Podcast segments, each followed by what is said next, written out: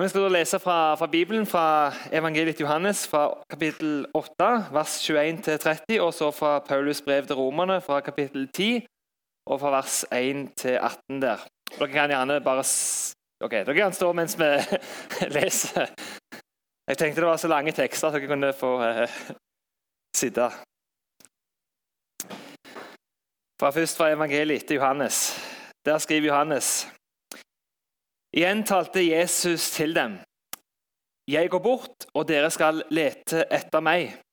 Men dere skal dø i deres synd. Dit jeg går, kan dere ikke komme.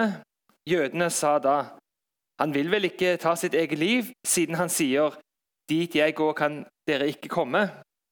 Han sa til dem, dere er nedenfra, jeg er ovenfra. Dere er av denne verden, jeg er ikke av denne verden. Jeg sa at dere skal dø i deres synder, for hvis dere ikke tror at jeg er, skal dere dø i deres synder. Hvem er du? spurte de. Den jeg har sagt dere fra begynnelsen av, sa Jesus. Jeg har mye å si om dere og dømme dere for, men han som har sendt meg, taler sant, og det jeg har hørt av ham, det sier jeg til verden. De skjønte ikke at det var sin far han talte om. Da sa Jesus til dem.: Når dere har løftet menneskesønnen opp, skal dere forstå at jeg er, og at jeg ikke gjør noe av meg selv, men sier det som far har lært meg. Og han som har sendt meg, er med meg. Han har ikke overlatt meg til meg selv, for det jeg gjør, er alltid etter hans gode vilje. Da han sa dette, kom mange til tro på ham. Og så fra Paulus brev til romerne, kapittel 10, vers 1-18, hvor det står følgende. Mine søsken, jeg ønsker av hjertet å be til Gud at de må bli frelst. For det vitnesbyrdet gir jeg dem, at de brenner for Guds sak, men uten virkelig å kjenne ham. De kjenner ikke Guds rettferdighet, men vil bygge opp sin egen rettferdighet. Derfor har de ikke bøyd seg under rettferdigheten fra Gud.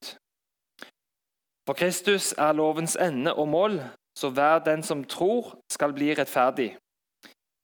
Moses skriver om den rettferdighet loven gir.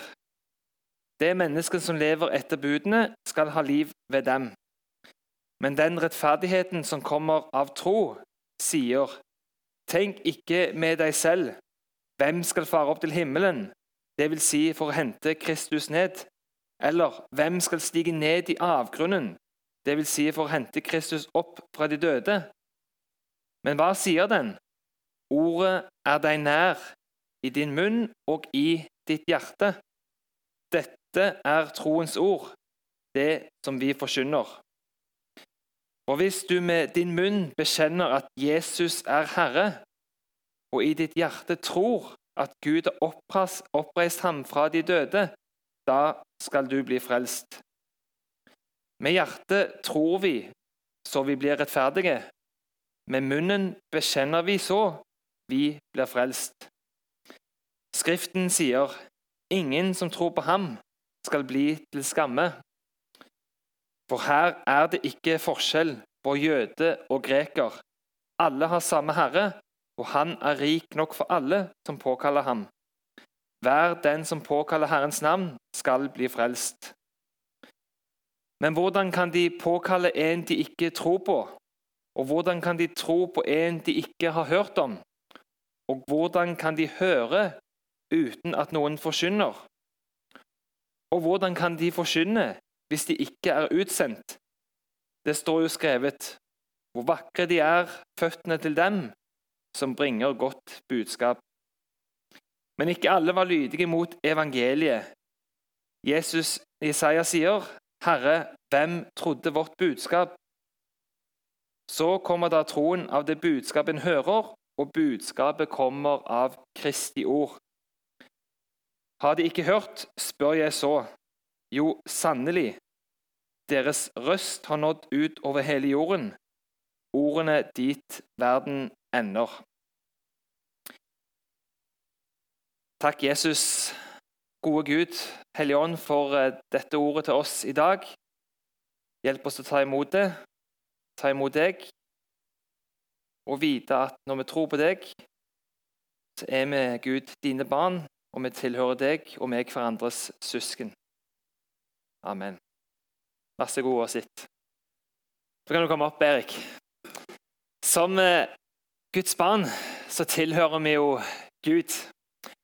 Og vi er vitner for Gud. Og så er det ulike måter å vitne for. Men alle vi som er kalt av Jesus, er vitner til å vise hvem Jesus er i vår hverdag. Så en måte å gjøre det på, av flere, ut ifra de gavene Gud gir oss, er å få noen til å fortelle om sitt liv med Jesus. Og vær så god, Eirik, og så dermed Emmuke og Kirsti, på det dere skal dele med oss i dag. Hva har gjort at du kommer der som du er i dag? Man har liksom hele livet føler man så har man, man trodd på Jesus. Men allikevel så har jo man gått en vei som har ført oss der som man er i, i dag. Så hvordan ble jeg troende? Så er jo det enkle svaret jeg tok imot Jesus som Herre og Frelser. Så kunne jo jeg strengt tatt da gått ned og satt meg, for det var jo sånn jeg har blitt en troende. Men nå tror ikke Einar hadde vært fornøyd, så da tenkte jeg vi får utdype det lite grann. Så neste spørsmål blir Hvorfor gjorde jeg det? Altså hvorfor tok jeg imot Jesus som Herre og Frelser? Jeg vokste opp med søndagsskole i Sentralkirken i Bergen. Så det ble jo gjerne det første steget på veien. Siden så begynte jeg i ungdomsskole der da jeg var 12-13 år. Og Det er kanskje den viktigste grunnen til at jeg har valgt å være en troende kristen. Altså Da må man kommet opp i en, en, en sånn alder at man eh, Skal ikke akkurat si man var blitt stor da man var 12-13 år, men eh, ja, de er godt de som er under det, så da kan jeg trygt si det. Men, eh, men man, kom til et, et skjæringspunkt. Liksom, du var ferdig på søndagsskolen, og, og, og hvis du da ikke gikk så mye i kirken, eh, så var det lett å bare gli ut. Men så begynte jeg da, da i, i ungdomsskolen der, da. Og der jo vi, hadde jo vi, vi, andakter, og etter hvert så ble du sjøl utfordret på å holde andakter. selv om jeg var, jeg var, jo veldig ung når jeg begynte der, da, for jeg var ikke fylt 13 år. Og egentlig var det fra 13 år oppover. Men eh, sånn at jeg, jeg var, jo, var, jo, absolutt blant de yngste der. Og følte jo ikke det var eh, egentlig sånn kjempelett. For det hadde det jo nesten vært 13 og 14, så hadde det ikke vært så farlig. Da. Men neste da ble 16, og de var jo gedigne. Sånn at Nei, Nei, jeg valgte nå å, å, gå der og har ikke angret på det. Og så, så, ble jo vi noen år eldre. Vi fikk konfirmasjonstiden. Og Der lærte jeg gjerne mer å gå jevnlig i kirken. Altså Når jeg gikk i, i koret, så, så, så, gikk jeg vel gjerne mest i kirken når koret skulle synge. da. Eh, ikke bare for å gå på, på gudstjeneste. Så, men, men, under konfirmasjonstiden da, da gikk jeg meg jevnlig i kirken og fant jo min plass der på bakerste benk. Trivdes godt på bakerste benk. Min onkel han, han bodde og jobbet som vaktmester i sentralkirken i Bergen. Eh, han var, var, var, såpass eh, involvert i det, og, og, det ikke var så mye ungdommer og, og, i min aldersgruppe. Da. Noen var det, men ikke så mange. Det gjorde at, at det, det, ble lett at eh, for han også spørre meg eh, hvis man trengte noen til å lede møter når de skulle ha, absolutt ville ha ungdommer til å gjøre det. Det hendte jo at de ville det. Og Det også var en prosess, eller en, en sak som var med å knytte meg nærmere til sentralkirken og, og, og det som ligger rundt det. Jeg ble også etter hvert vaktmesterassistent for han. For, eh, for å si det sånn, Han var jo vaktmester med noe attåt, men det var jo strengt tatt en livsstil for han da. Så Av og til så trengte han å få fri. og Hver søndag så var jo det gudstjeneste, da, men han, han skulle da få fri en helg i måneden. Så da, da, da ble det min jobb å ja, komme en time før og ringe med bjeller og holdt på å si det som skulle gjøres. da. Eh, akkurat det vasking og sånne ting det hadde han gjort før han tok helg, så det slapp jo jeg greit unna da. Men jeg var jo nå kommet litt, litt seint ut i tenårene, hadde sluttet i koret. Eh, og det var ikke noe aktivitet for ungdom i min aldersgruppe. Så jeg ble nok kanskje en periode der mindre bevisst på min tro. Ikke at jeg sluttet å, å tro, men, men, det er klart at når du ikke holdt på å si, jevnlig eh, fyller på da, eh, Å lese i Bibelen var jo jeg ikke god på, så det at, det, der var ikke det så mye å hente. siden Den må jo åpnes skal du få noe ut av den. Eh, så, så, så, da ble jo mer av fokus mitt rettet mot andre aktiviteter. da. Men så traff jeg jo på en, en, kamerat. Da, så Han var jo ett år yngre enn meg. da. Eh, men vi var jo tross alt kommet i, i slutten av tenårene nå, da, så, så, det ene året var jo strengt tatt ingenting. Men jeg hadde ikke hatt så veldig mye med han å gjøre. Men vi var nå kamerater på sånn av og til, holdt jeg på å si. Eh, og han, han var også fra sentralkirken. da, men han var begynt eh, å lede et eh, kor i Første Metodistkirke. Og Der hadde de da øvelse, og så hadde de ungdomsklubb rett etterpå. Så han spurte om jeg ikke ville være med på ungdomsklubben der. da. Og det takket jeg ja til, da, så jeg var jo til stede der på, på noen eh, ganger. Og I og med at de hadde øvelse først, så, så, kom du gjerne litt tidlig, sånn at du hørte liksom på korøvelsen. Og etter hvert så ble du med, med i koret også. da. Eh, etter noen år der i koret så, så traff jeg på en, en, trivelig jente fra Flekkefjord. Hun, hun bodde i et, eh, i et, hybelkompleks hvor noen av de som bodde der, de møttes jevnlig til bønn og lovsang. Jeg ble med i den gruppen, og der fikk jeg mitt første bevisste møte med Den hellige ånd. Og jeg ble åndsdøpt. Og Det har jo vært med på å gjøre bønnelivet mitt mye enklere, der det kan være vanskelig å finne riktige ord når jeg skal be. Eller kanskje hva jeg skal be om også. Altså, du føler for at du skal be, men du vet liksom ikke helt hva du skal be om. Men når jeg ber i tunger, så kjenner jeg at Gud er med meg i bønnen. Og jeg vet og at det er Gud som finner de riktige ordene. For jeg må jo innrømme at jeg skjønner jo ikke ordene som jeg ber. Men det føles noe veldig godt for det. Jeg har holdt sammen med den herlige jenten fra Flekkefjord. Og etter at vi hadde giftet oss, flyttet vi til Sotra utenfor Bergen. Der ønsket vi å være med i en lokal menighet i nærområdet. Så vi begynte i en liten lokal menighet med stort fokus på lovsang. Der trivdes vi veldig godt. Så det er noe som har vært viktig for troslivet vårt i sammen. Det er forskjellige måter å møte Gud på. Min helt klart foretrukne måte, det er sang. De sangene jeg liker best, er når vi synger til Gud og Jesus, ikke bare om Gud og Jesus. Med de sangene kjenner jeg at jeg kommer mer i direkte kontakt med den trenige Gud. Jeg kjenner sterkt på at Den hellige ånd er med meg da. Til slutt så vil jeg referere et refreng som, som vi synger, som jeg kjenner taler veldig til mitt hjerte, med et budskap som jeg stoler fullt og helt på. Du sier 'jeg er din', selv på min verste dag. Du sier 'jeg er sterk', når jeg tror jeg er svak. Du sier 'jeg er nok', når jeg ikke strekker til. Når jeg ikke selv kan gå, så bærer du mitt liv. Så sammenfattet hvordan ble jeg en troende, så er det jo denne hele prosessen her som har gjort meg troende og bevart meg i troen. Takk. Ja, så hvordan ble jeg troende? Det var en lang prosess. Jeg skal begynne helt fra begynnelsen. Så jeg ble født i en familie som tilhørte en ungarsk baptistmenighet. Mine foreldre tok meg og mine søsken med til kirka flere ganger i uka. Jeg ble døpt da jeg var 13 år gammel. Da hadde jeg store forventninger til dåpen. Jeg trodde at jeg skulle bli gradvis forvandlet til et feil og syndfri menneske etter dåpen. Men jeg måtte innse at jeg ikke ble bedre. Jeg var fortsatt det samme mennesket så begynte jeg å tvile på min tro. Jeg hadde et håp om at jeg var frelst, men klarte ikke å tro på det. Da jeg gikk på universitetet, fant jeg en studentbibelgruppe der. En gang i uka samlet mange smarte unge mennesker seg sammen og priste Jesus, ba for hverandre og studerte Bibelen sammen. Jeg fikk oppleve Jesu kraft, at han er en levende Gud som hører vår bønn.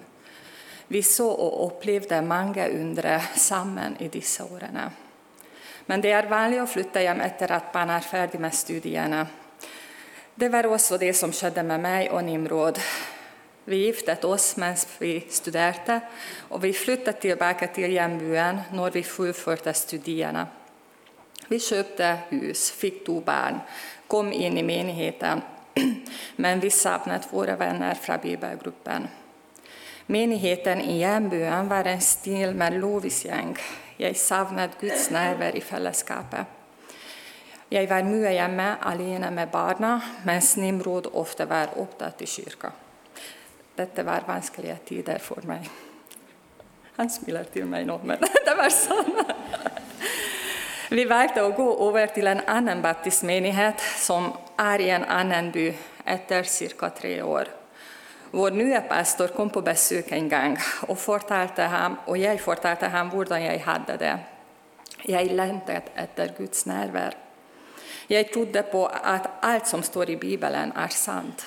Men jeg klarte ikke å tro på at det også gjelder meg, at jeg har evig liv. Jeg følte at jeg ikke var god nok. Jeg fortjente det ikke. Og så pastoren fortalte meg evangeliet igjen. At ingen av oss fortjener det evige livet eller syndenes forlatelse. Men Jesus kjøpte oss fri da han døde på korset for mine og våre synder. Jeg kan ikke fortjene nåden. Jeg kan bare ta den imot. Pastoren ba for meg og med meg om at jeg skal få troens gave fra Gud. Og jeg vet ikke hva som skjedde der, men siden den dagen er jeg ikke i tvil i min frelse. Jeg vet at jeg nødvendigvis ikke er et bedre menneske enn andre er, både bare fordi jeg er frelst.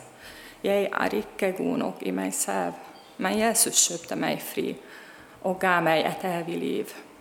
Det står i Johannes brev, evangeliet.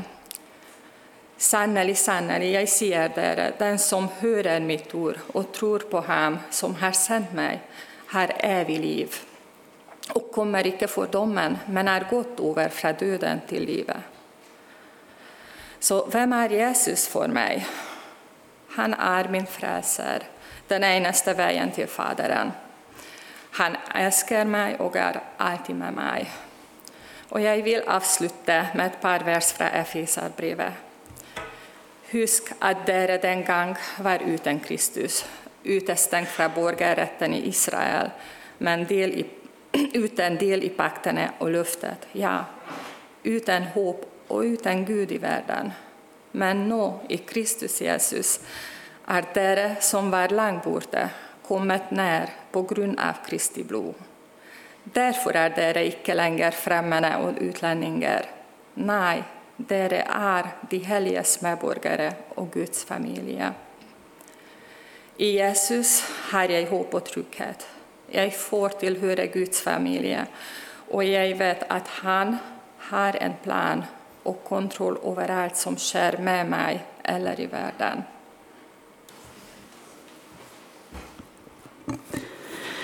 Jeg må si at det er mange som har vist meg veien til Jesus opp gjennom livet. Og jeg føler mange ganger når jeg møter folk, så får jeg ikke et glimt av Gud.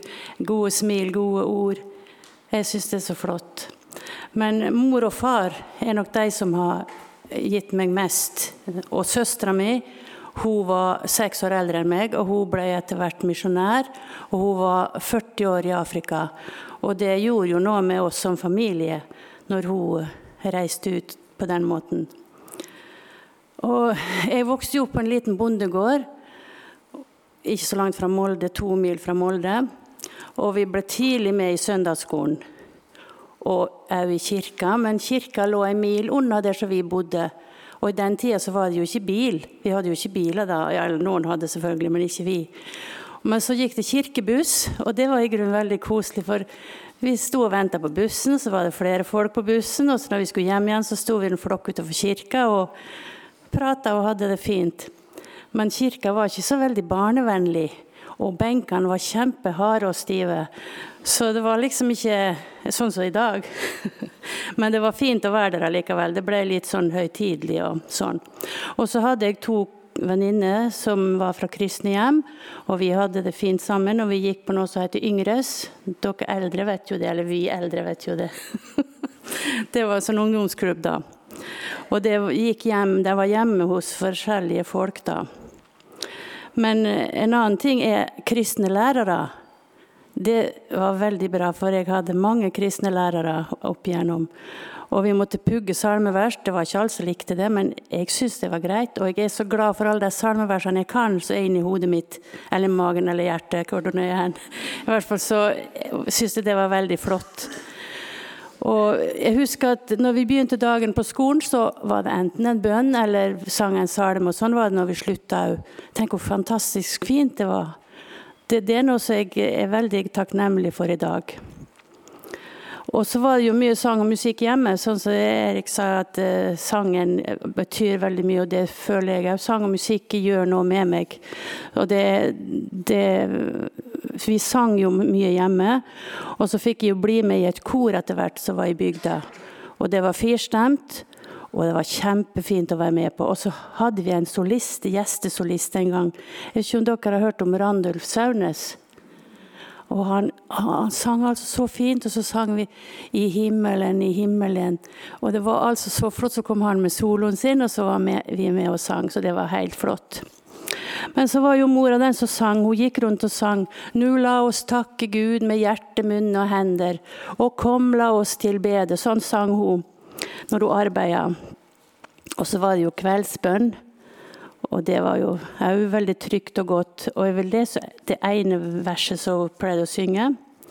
Nå lukker solen sitt øye, snart lukker jeg også mitt. Gud Fader i det høye, du lukker aldri ditt.